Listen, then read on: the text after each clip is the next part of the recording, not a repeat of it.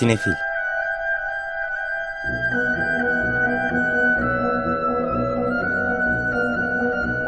Hazırlayan ve sunanlar Melis Behlil ve Yeşim Burul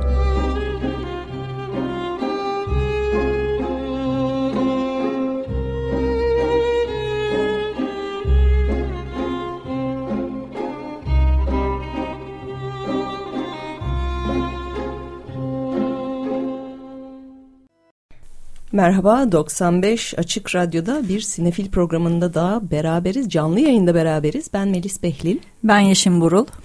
Bu hafta programımızı Mor ve Ötesi'nden Tamiri Mümkün Kalbinin şarkısıyla açtık.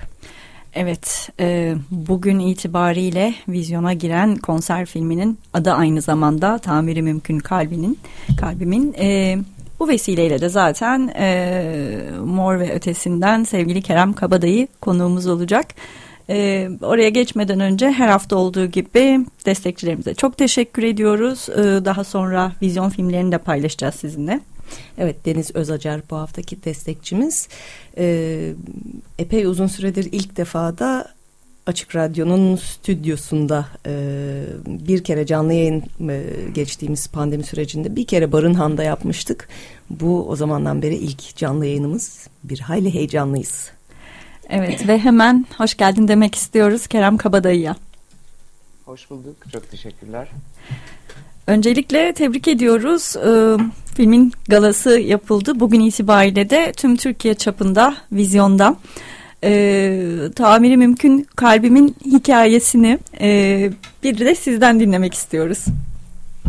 Tabii. Ee, geçtiğimiz çarşamba filmin galasını gerçekleştirdik. Bu sabah itibariyle de e, vizyona girmiş oldu.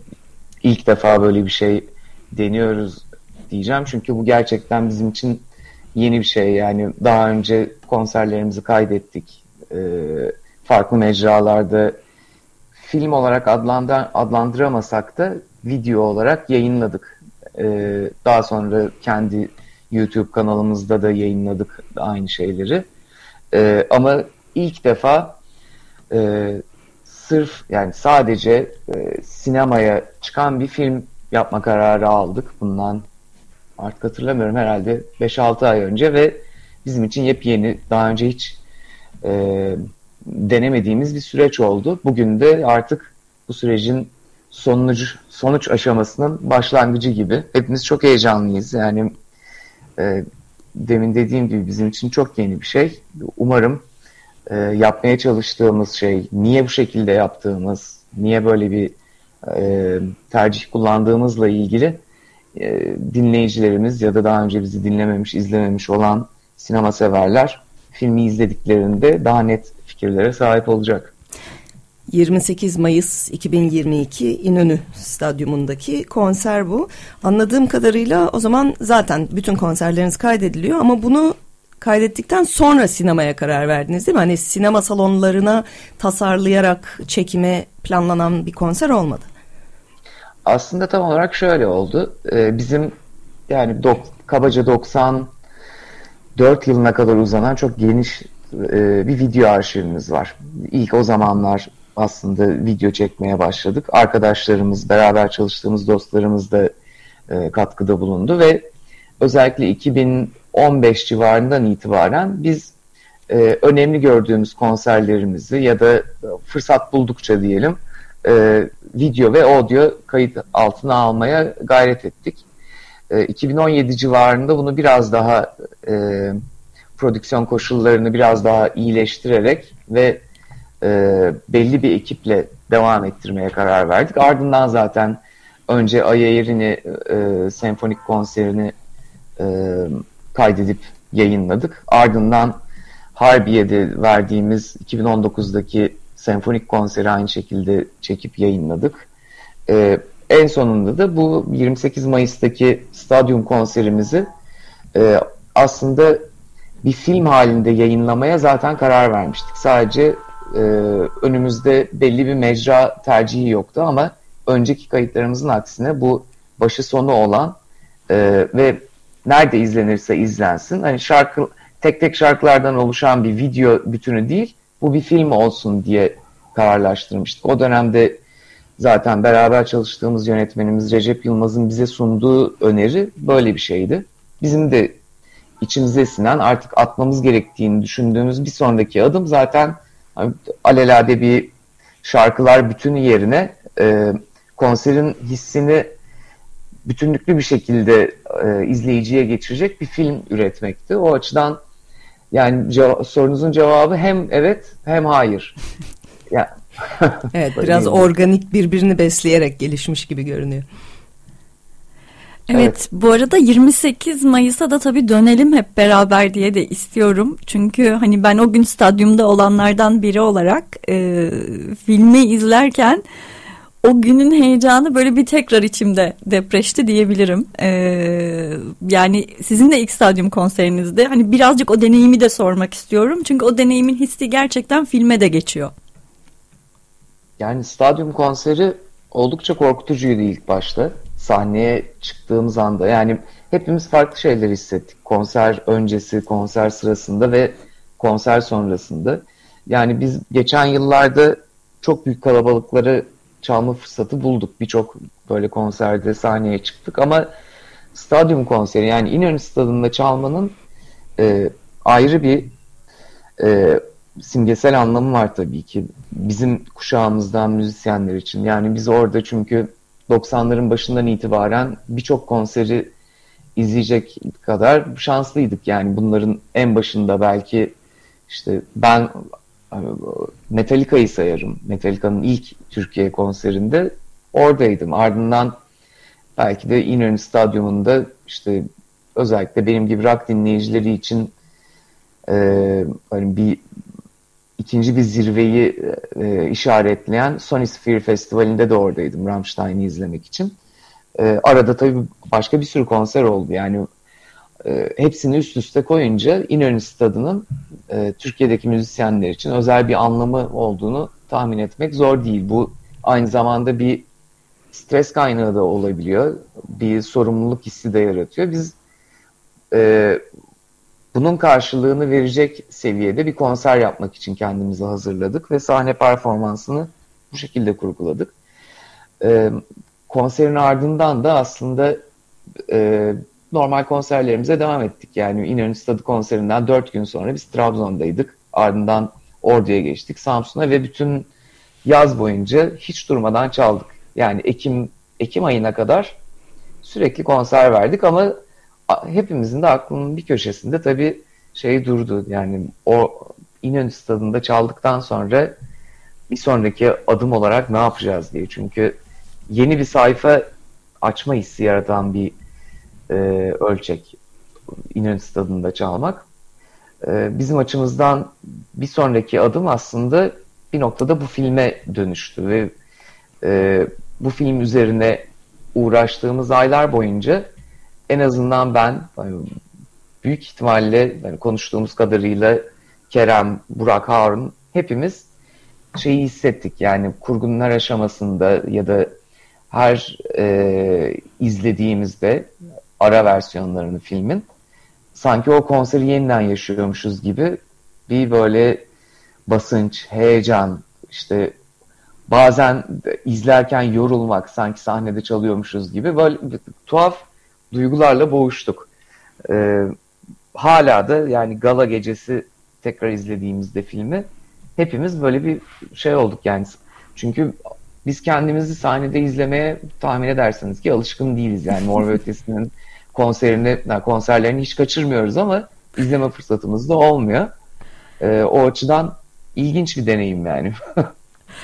Ee, aslında filmi izlerken aklıma düşen şeylerden biri de o oldu. Yani konser esnasında ben hani hani ben uzaktan o kalabalığın içerisinde o heyecanı kalabalıkla beraber hissederek e, ve de hani bir mor ve ötesi hayranı olarak hani sizi izliyoruz biz e, ve de herkes birbirine e, bunu hep duymuşsunuzdur diye tahmin ediyorum. Herkes birbirine gülümsediği bir akşamda o.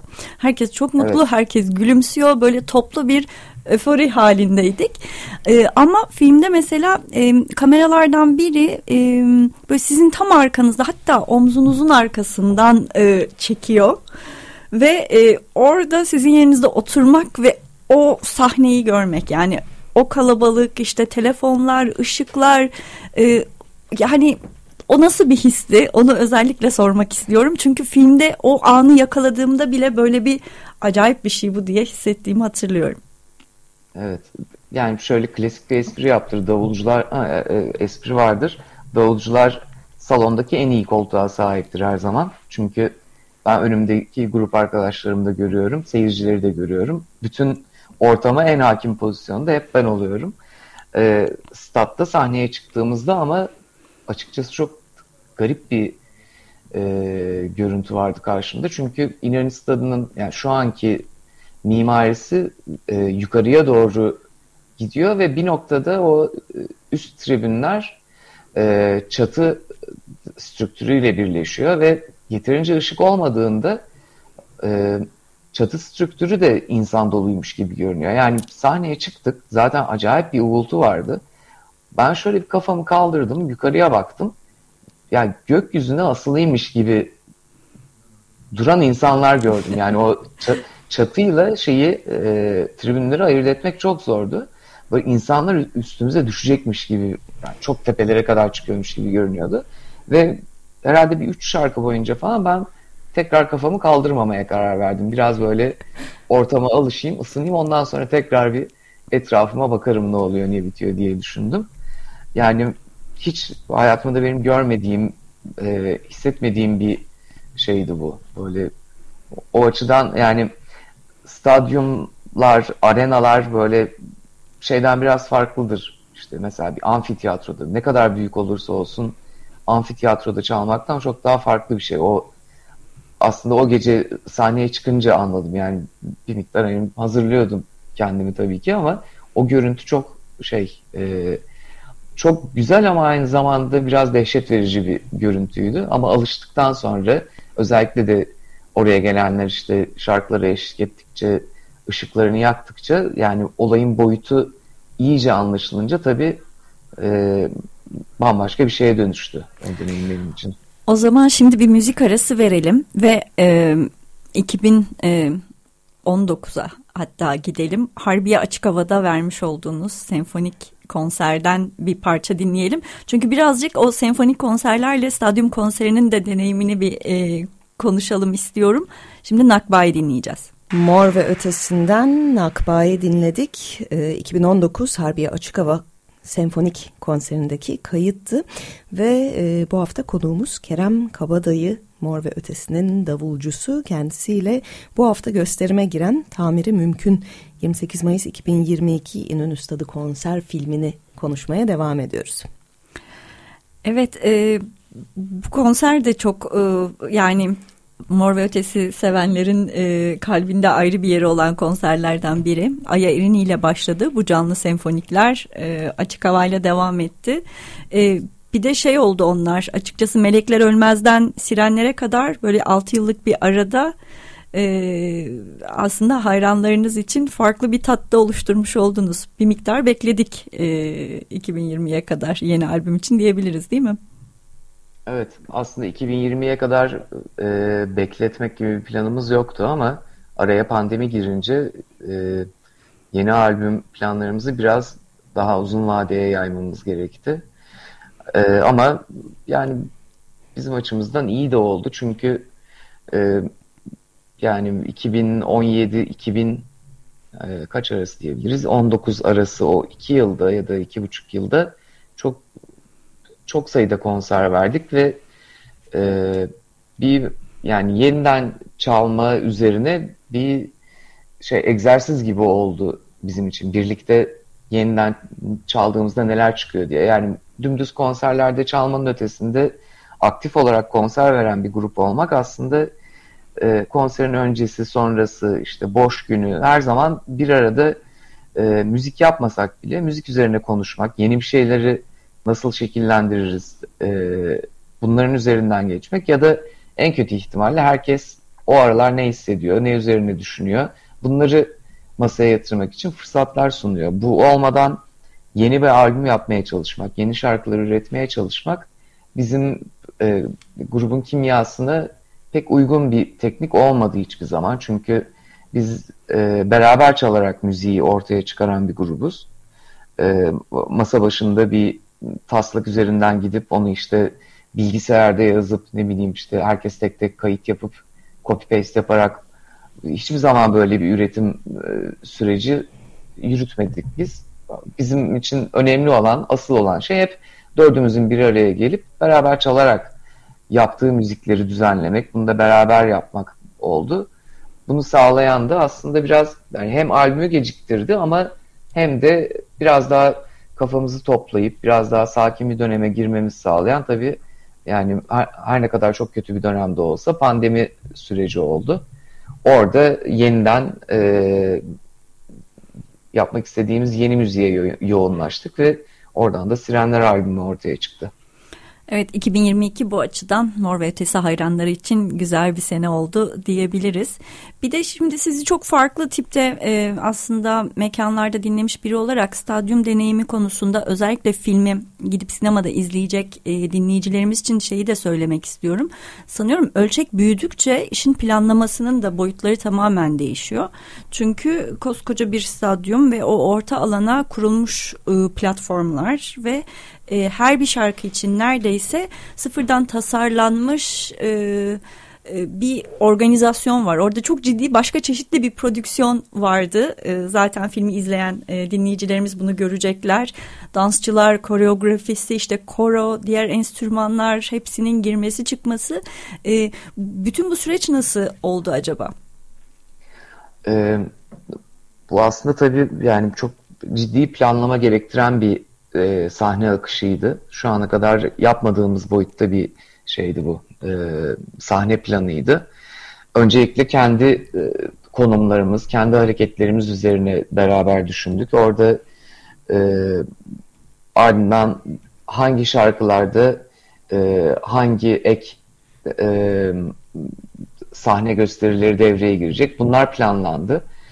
E, sonra da bütün bunlar bir araya geldi ve orada bizim açımızdan en önemli destek Beyhan Murphy'den geldi. Çünkü bütün aslında akışı gözümüzün önünde bir şema haline getiren o oldu. Biz yani aramızda konuşuyorduk, planlar yapıyorduk falan ama bir türlü tam olarak bir çerçeveye oturtamıyorduk. Beyhan sayesinde konserin başından sonuna kadar nasıl akacağını gördüğümüz bir sahne şovu ortaya çıktı ve aynı zamanda bu planladığımız şeyin 2 saat 45 dakikalık bir show olduğu da o zaman ortaya çıktı. Ee, ki bu bizim verdiğimiz en uzun konserlerden biri. Ee, ve konser günü de yine e, bu akışı yöneten kişi yine Beyhan Murphy'ydi. Bizim için e, bu bunu da sırtladı ki oldukça zor bir işti. E, ve alnımızın akıyla çıktık. Yani o dansçılar, ek enstrümanlar, e, sahnede olup bitenler, aynı zamanda ışık, işte pyro, lazer ne kadar e, sahnede dönen e, numara varsa bunları e, konser filminde aslında o gece statta olanların belki de hiç görmediği detay seviyesinde yansıtmaya çalıştı yönetmenimiz Recep Yılmaz'da. Ve e, yani bu aradaki test izlemelerinde bize katılan bazı dostlarımız bunu hemen fark etti tabii çünkü e, stadyumda canlı olarak e, izlerken gör, görülemeyecek açılardan, görülemeyecek e, mesafelerden o gece aslında sahnede neler olup bittiğini herkesin görme imkanı olacak bu filmde. E, bunu da yakalamak için e, konseri çeken film ekibi toplam e, 28 ya da 30 kamerayla çalıştı. Yüzden fazla insan çalıştı film ekibinde. Görüntü yönetmenimiz e, film Sedat Taşkan, yönetmenimiz Recep Yılmaz. E, bütün bu süreci yani bu bilgiyi artık açıklayabiliriz bence. Sahnenin altına kurdukları bir e, e, yani bir sürü ekrandan oluşan bir canlı reji merkezinden yönettiler. O da ilginç bir histi. Yani ben sahneye çıkmadan önce Recep Yılmaz bana bir gösterdi bakın siz çalarken ben sahnenin altında oturacağım dedi. Orayı gördüm ondan sonra bu sefer o da kafama takıldı. Yani çalıyorum bir yandan bir yandan da diyorum ya şurada azıcık ileride aşağıda Recep ve Sedat oturuyorlar acaba ne yapıyorlar şu anda diye. Ama onlar da e, harika bir iş çıkardılar. E, bütün çekim ekibi e, mükemmel bir iş çıkardı ve e, sonuçta e, Süleyman Berk Dalyanoğlu'nun kurgusuyla ortaya bu film çıktı. Bir de şeyi de söylemek lazım yani biz sinefil olarak sonuçta sinemada film izlemenin belli e, bir adabı muaşeret kuralları çerçevesinde yapılması gerektiğini genelde düşünürüz. İşte telefona bakılmaz, çok konuşulmaz falan ama bu film özelinde başka şeylerde mümkün sonuçta ufak da bir e, kılavuz video hazırlanmış film için o da çok hoşumuza gitti. Çünkü hani sonuçta bir anlatı filmi değil bir konser filmi ve o konserdeymişçesine izlemek e, konsere gidememiş olanlar için benim gibi ya da konseri tekrar hatırlamak, deneyimlemek isteyenler için o salonda da e, izleyicinin katılmasını cesaretlendiren bir videoyla, bir izleme kılavuzuyla beraber geliyor film anladığım kadarıyla. Evet, e, aslında şu açıdan bakmak mümkün bunu. Yani ben bir e, sinefil kesinlikle değilim ama o açıdan bakacak olursak mesela bir filmi ne bileyim başarılı kılan ya da e, iyi bir film olduğunu hissetmemizi sağlayan şeylerden bir tanesi belki ana karakterle kendimizi özdeşleştirebilmemiz. Yani o faktörlerden sadece bir tanesi. Bir konser filmi söz konusu olduğunda bizim açımızdan da e, sinemaya gelen izleyicinin sanki o konserdeymiş gibi, o konsere gelenlerle kendilerini özdeşleştirebilecekleri, bir bağ kurabilecekleri e, bir izleme ortamı e, önemli olur diye düşündük. Yani bunu standart bir e, odaklanılmış, sessiz, sakin bir şekilde dikkatlice izlenilen bir film deneyimi olarak değil, tam aksi yönde e, sanki konsere gelmiş gibi, o konsere katılır gibi o deneyimi paylaşmaya yönelik bir ortam olarak hayal ettik. Bunu da yani bir tabii herkes sonuçta kendi hissettiği gibi izleyecek, hissettiği şekilde davranacak filmi izlerken ama bizim herkese tavsiyemiz e, bu yayınladığımız ufak videoda göründüğü gibi e, içlerinden geldiği gibi bu konsere katılmaları e, olabildiğince etraflarındaki diğer izleyicilerle e, bir arada bir şeyler yapmaları. Çünkü bu filmin günün sonunda sinemaya çıkmasının aslında temel sebebi bu. Biz bu filmi insanların evlerinde tek başına izlemesini istemedik. O konserin filminin e, küçük ekranlarda işte evde tek başına otururken izlenen bir şeye dönüşmesini istemedik. Bu başlı başına kötü bir şey olmak zorunda değil tabii ki ama e, sinemalarda daha büyük e, yani birkaç kişi bile olsa insanların bir araya geldiği bir deneyim yaratmasını istedik e, bu deneyiminde e, olabildiğince eğlenceli olmasını tabii ki isteriz. O yüzden herkesin işte filmi izlerken şarkı söylemesi, dans etmesi, işte telefondan açıp şarkı sözlerine bakması bunların hepsi bizim filmimizde serbest. Zaten o yüzden şarkıların adlarını bile yazmadık filme. Hiçbir yazı girip çıkmıyor filmin sonuna kadar.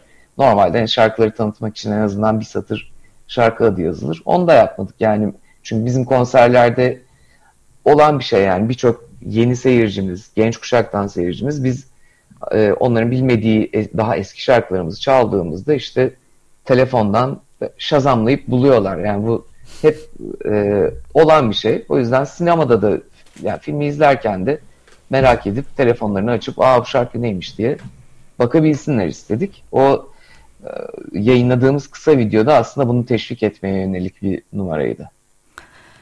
Evet bence zaten e, şey açısından böyle kültürel anlamda da kültürel sanatsal anlamda e, gündemin nabzını yakalamak açısından bu konserin film olarak bence e, uzun seneler evladiyelik bir biçimde e, arşivlerimizde duracağını da söyleyebilirim. Sinemada büyük ekranda izlemek çok ayrı bir keyif.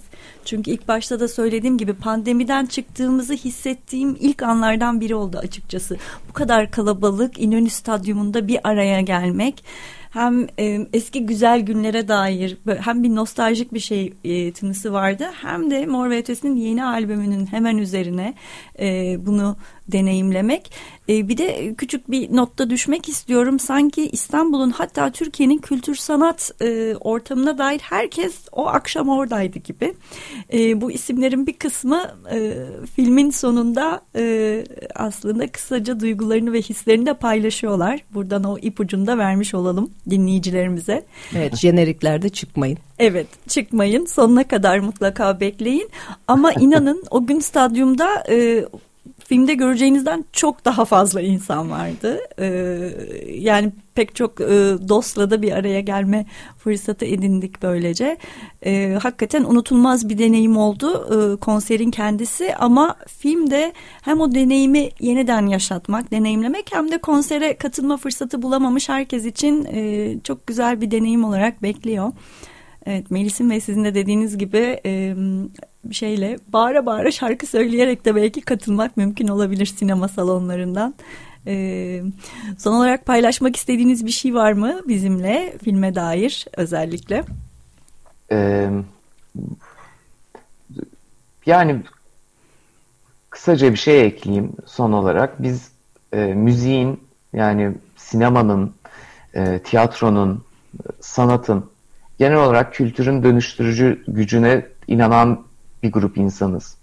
Ee, biz yani, müzik alanında faaliyet gösteriyoruz ama dokunabildiğimiz her e, komşu alanda da var olmak için çabalıyoruz. E, bulduğumuz fırsatları iyi bir şekilde değerlendirmeye çalışıyoruz. E, sinema bu açıdan bizim için önemli bir mecra, e, fiziksel bir mecra e, dijitalden daha değerli, daha değersiz diye bir e, ayrım yapmak belki yanlış ama e, insanların bir araya geldiği ve e, iyi vakit geçirdiği her ortam bizim açımızdan değerli ve o dönüştürücü gücün daha yoğun olabildiği ortamlar bunlar. Konserler gibi ya da tiyatro gösterileri gibi. E, o açıdan yani toplumsal alanda e, biz nasıl konserlerimizle bir şey ifade etmeye çalışıyorsak bu filmle de birden fazla şeyi ifade etmeye çalışıyoruz.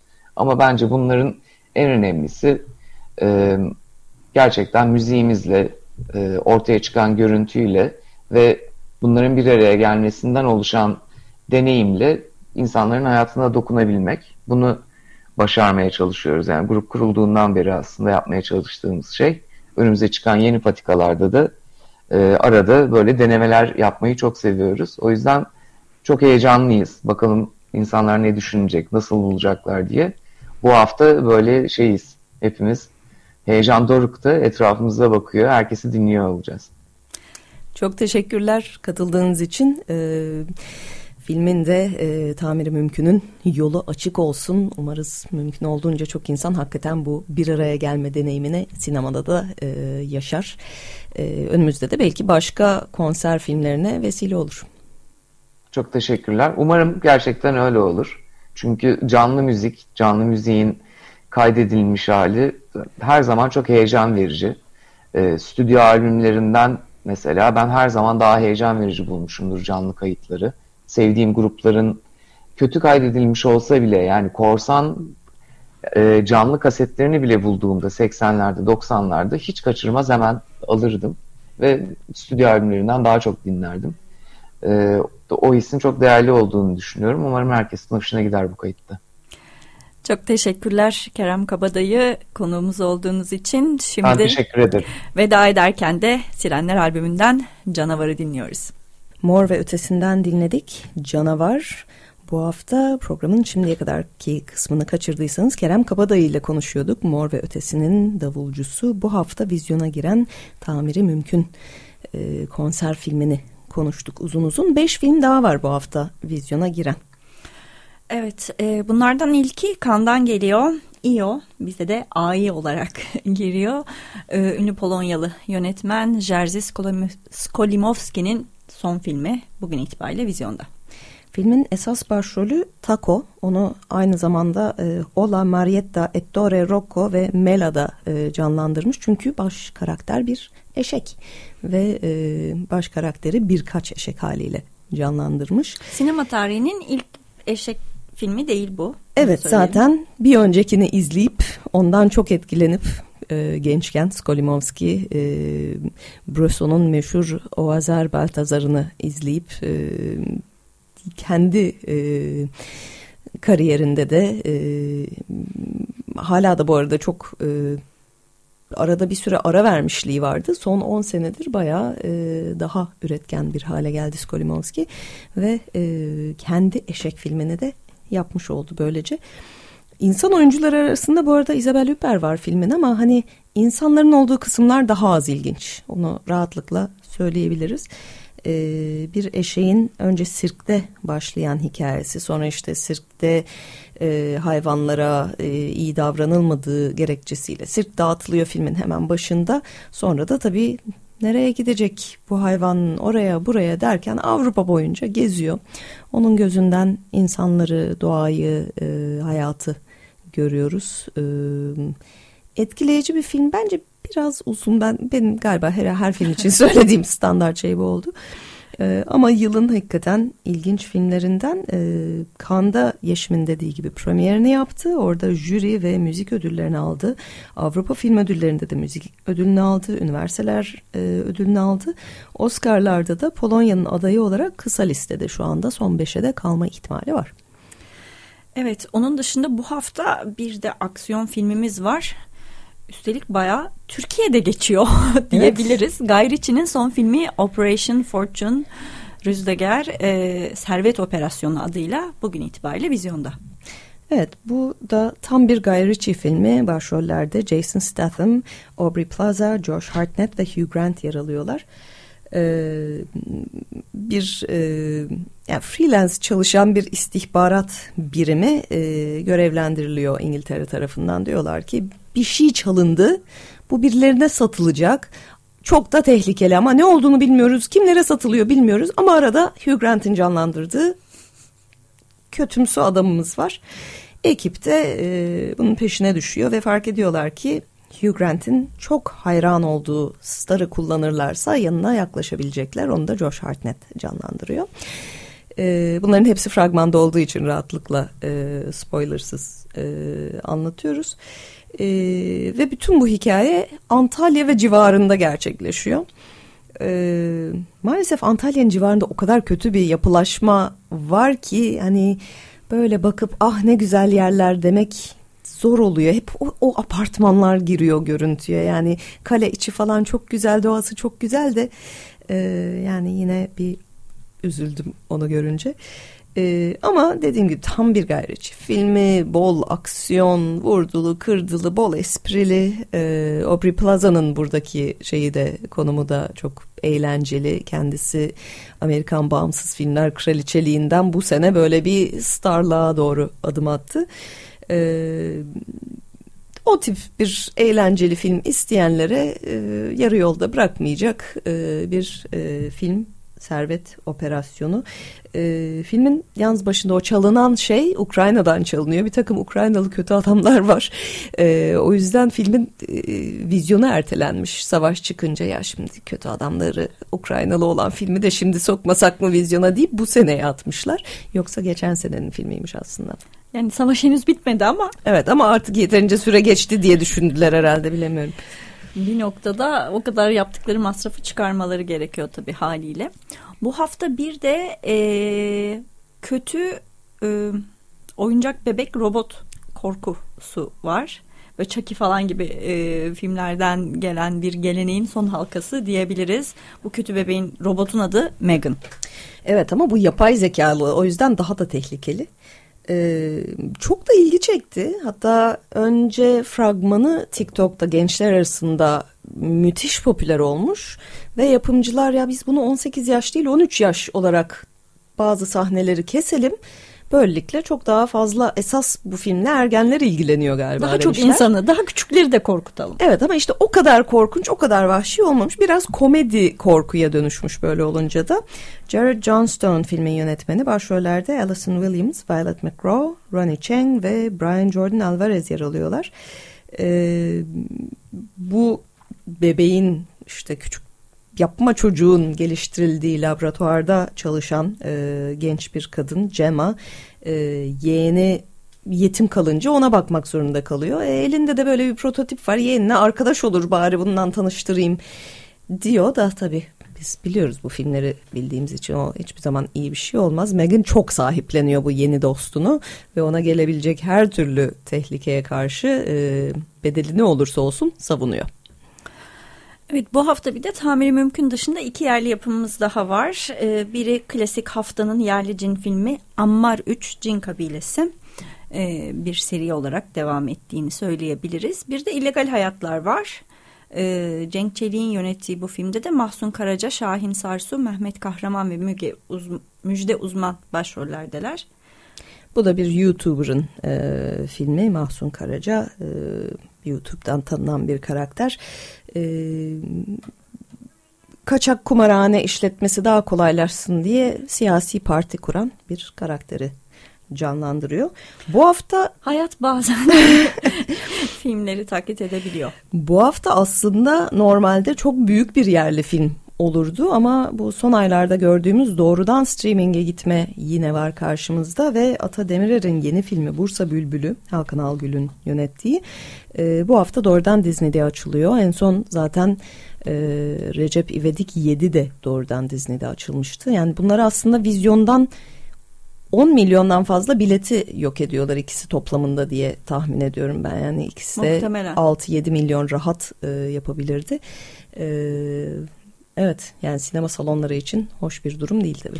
Bu sık sık konuştuğumuz bir şey aslında. Yani bütün bu streaming platformlarının sinema izleyicisi modeline aslında genel olarak sinemayı sinema prodüksiyonunu içerik üretimi modeline dönüştüren e, başka bir yere doğru gitti. E, ama bu hafta daha konuşacağımız çok şey var. Evet, sinematek gösterimleri de devam ediyor. Alman e, genç Alman sineması e, programından bu akşam mesela Fassbinder'in Maria Braun'un evliliği var. E, 80'lerin kadın filmlerinden yarın saat 2'de benim en sevdiklerimden Ah Belinda var Atıf Yılmaz'ın. E, yarın yine Alman programından saat 6.30'da Wim Wenders'in e, zamanın akışında e, filmi gösteriliyor. Pazar günü de Emin Alper'in Kurak Günleri yönetmenle beraber ama ona anında bitmiş biletler. Geçen hafta da bahsetmiştik. Ama bir de... Biz önden haberini verdik. Evet. bir de çok heyecan verici. Pazar akşam canlandırmanın dünü bugünü öncüler seçkisi Türkiye retrospektifi var. Evet altı buçukta pazar akşam üstü bu da Canlandıranlar Derneği'nin ve Asifa Türkiye'nin e, kurucusu olan Berat İlkin hazırladığı bir seçki bu. 1970'lerden günümüze Türkiye'den kısa bağımsız canlandırma örneklerine yer veriyor. Gerçekten böyle bir seçkiyi başka bir yerde bulup izlemek mümkün değil. İşte Tonguç Yaşar'ın e, Amentü gemisi nasıl yürüdüden e, Tan Oral'ın sansürüne e, Cemal Erez'in e, Meral Erez'le beraber yaptığı ipleri Emre Senan'dan Ev Tahsin Özgür'den Kebaba Luba, e, Bahadır Tosun'dan Gölge Oyunu, yine e, Meral ve Cemal Erez'den Haset ve yine onlardan La Minstre Felicite e, bu seçki dahilinde izlenebilir. Evet gösterimler böyle Sinematek 10 Ocak'tan beri yeni programına başladı. Çok güzel bir şekilde devam ediyor. Bu hafta tabii artık ödüller hikayeleri de e, iyice hızlandı. Bu arada Sinematek'te söylemeden geçmeyeyim bir de gelecek Perşembe akşamı Buster Keaton seçkisi var. E, canlı müzikle e, gösterilecek. Aşçı, komşular ve belki de en sevdiğimiz Sherlock Junior, e, Buster Keaton'ın filmleri e, sessiz komedi sevenlere. Ama dediğimiz gibi esas e, ödüller iyice yoğunlaştı ve altın küreler verildi geçen hafta. Evet altın küreler bütün tartışmalara ve bütün o önceki skandallara rağmen e, çok ciddi sayıda yıldızın katılımıyla gerçekleşti diyebiliriz. Ama öbür taraftan da bütün bu skandallara da böyle hani direkt kafadan giren bir şekilde Jared Carmichael sunucusu Bugün sunucu olarak karşınızda ben varım. Sebebi de siyah olmam diye girdi zaten konuya e, açılış konuşmasında. Evet, e, çok büyük sürprizler olmadı aslında. E, biz film ödüllerine biraz daha odaklanmak istiyoruz. Hani televizyonda da pek çok ödül veriliyor. Özellikle de e, White Lotus'u ve de Abbott Elementary'yi çok sevmiş Altın Küre üyeleri. Onu e, anladık Hollywood Foreign Press Association. Biz de seviyoruz. Evet, e, filmlerde ise her sene söylediğimiz gibi drama ve e, komedi müzikali ayrı olarak değerlendiriyorlar. Ee, orada da aslında yavaş yavaş böyle Oscar'lara doğru giderken bazı şeyler belli olmaya başlıyor. Özellikle de yapılan konuşmalar hani e, hep bizim de dediğimiz burada kimin ödülü aldığından ziyade o ödülü aldığında yaptığı konuşmanın nasıl bir etkisi olduğu Oscar'lara e, etki ediyor. E, yardımcı oyuncularla belki başlayalım. Erkek oyuncu da e, Everything Everywhere All At Once ile Ke Huy Kwan aldı. Kadın oyuncuda da e, Wakanda Forever ile Angela Bassett aldı altın küreği. Ki evet e, yani e, bakalım Oscar'larda da bunlar önde gelen konuşulan isimlerden biri. Oyuncu kategorilerinde yine dram ve müzikal ya da komedi olarak ayrışıyor. E, kadın oyuncu da e, dram tarafında Kate Blanchett tar ile kazandı. Müzikal ya da komedide ise e, her şey her yerde aynı anda ile Michelle Yeoh kazandı. O yüzden e, bu ikisi de Oscar'larda yine e, karşılıklı yarışan isimler. E, bence Kate Blanchett bir tık önde olabilir Tar'ın popülerliğiyle beraber ve yine çok iyi bir performansı var ama yani ben de Michelle Yeoh alsın çok istiyorum. Evet, e, yani zaten Everything Everywhere All at Once'ı sevmiş olduklarını görüyoruz burada ve hani her birinin konuşması da böyle çok beklenmeyen bir şey olduğu için bu kadar ödül ilgisi vesaire her bir aldıkları ödül ve yaptıkları konuşma da daha da güçlendiriyor o e, şeyi. E, en iyi yönetmende yalnız e, Steven Spielberg e, kazandı The Fablemans'la Oscar'a doğru da bence öyle e, gidiyor. E, filmlerde de komedide Banshees of Inisherin, dramada yine The Fablemans e, Spielberg'in filmi e, aldılar Altın Küreyi. The Banshees of Inisherin e, senaryoyu da aldı. E, bu da aslında senaryo kategorisinde e, de şeyini Oscar e, şeyini arttırıyor. E, bence güzel sürprizlerden biri en iyi uluslararası film kategorisinde gerçekleşti Altın Küreler'de. Arjantina 1985 kazandı ki bu da gerçek olaylardan yola çıkılarak çekilmiş bir film. Cuntaların yargılandığı o meşhur davanın filmi e, şeyi ipi göğüsledi bu yarışta. Çok e, kuvvetli adaylar vardı yine. Evet e, yani bu sene buradaki mesela Hindistan'ın adayı RRR aslında e, Oscar'larda da bekleniyordu ama Hindistan onu aday göstermediği için e, acaba Oscar'larda başka dallarda bağımsız aday olur mu, yönetmen adayı olur mu gibi konuşuluyor. Bir yandan tabii Netflix'te e, oynadığı için çok daha yaygın bir şekilde Amerika'da da izlendi.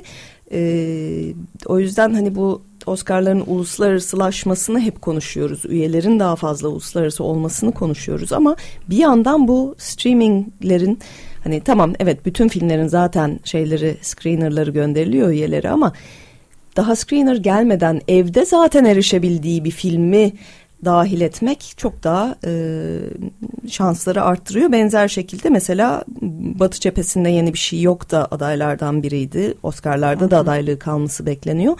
Artı Oscar'larda da yine yönetmen için, teknik kategoriler için çok ciddi bir şekilde adı geçiyor.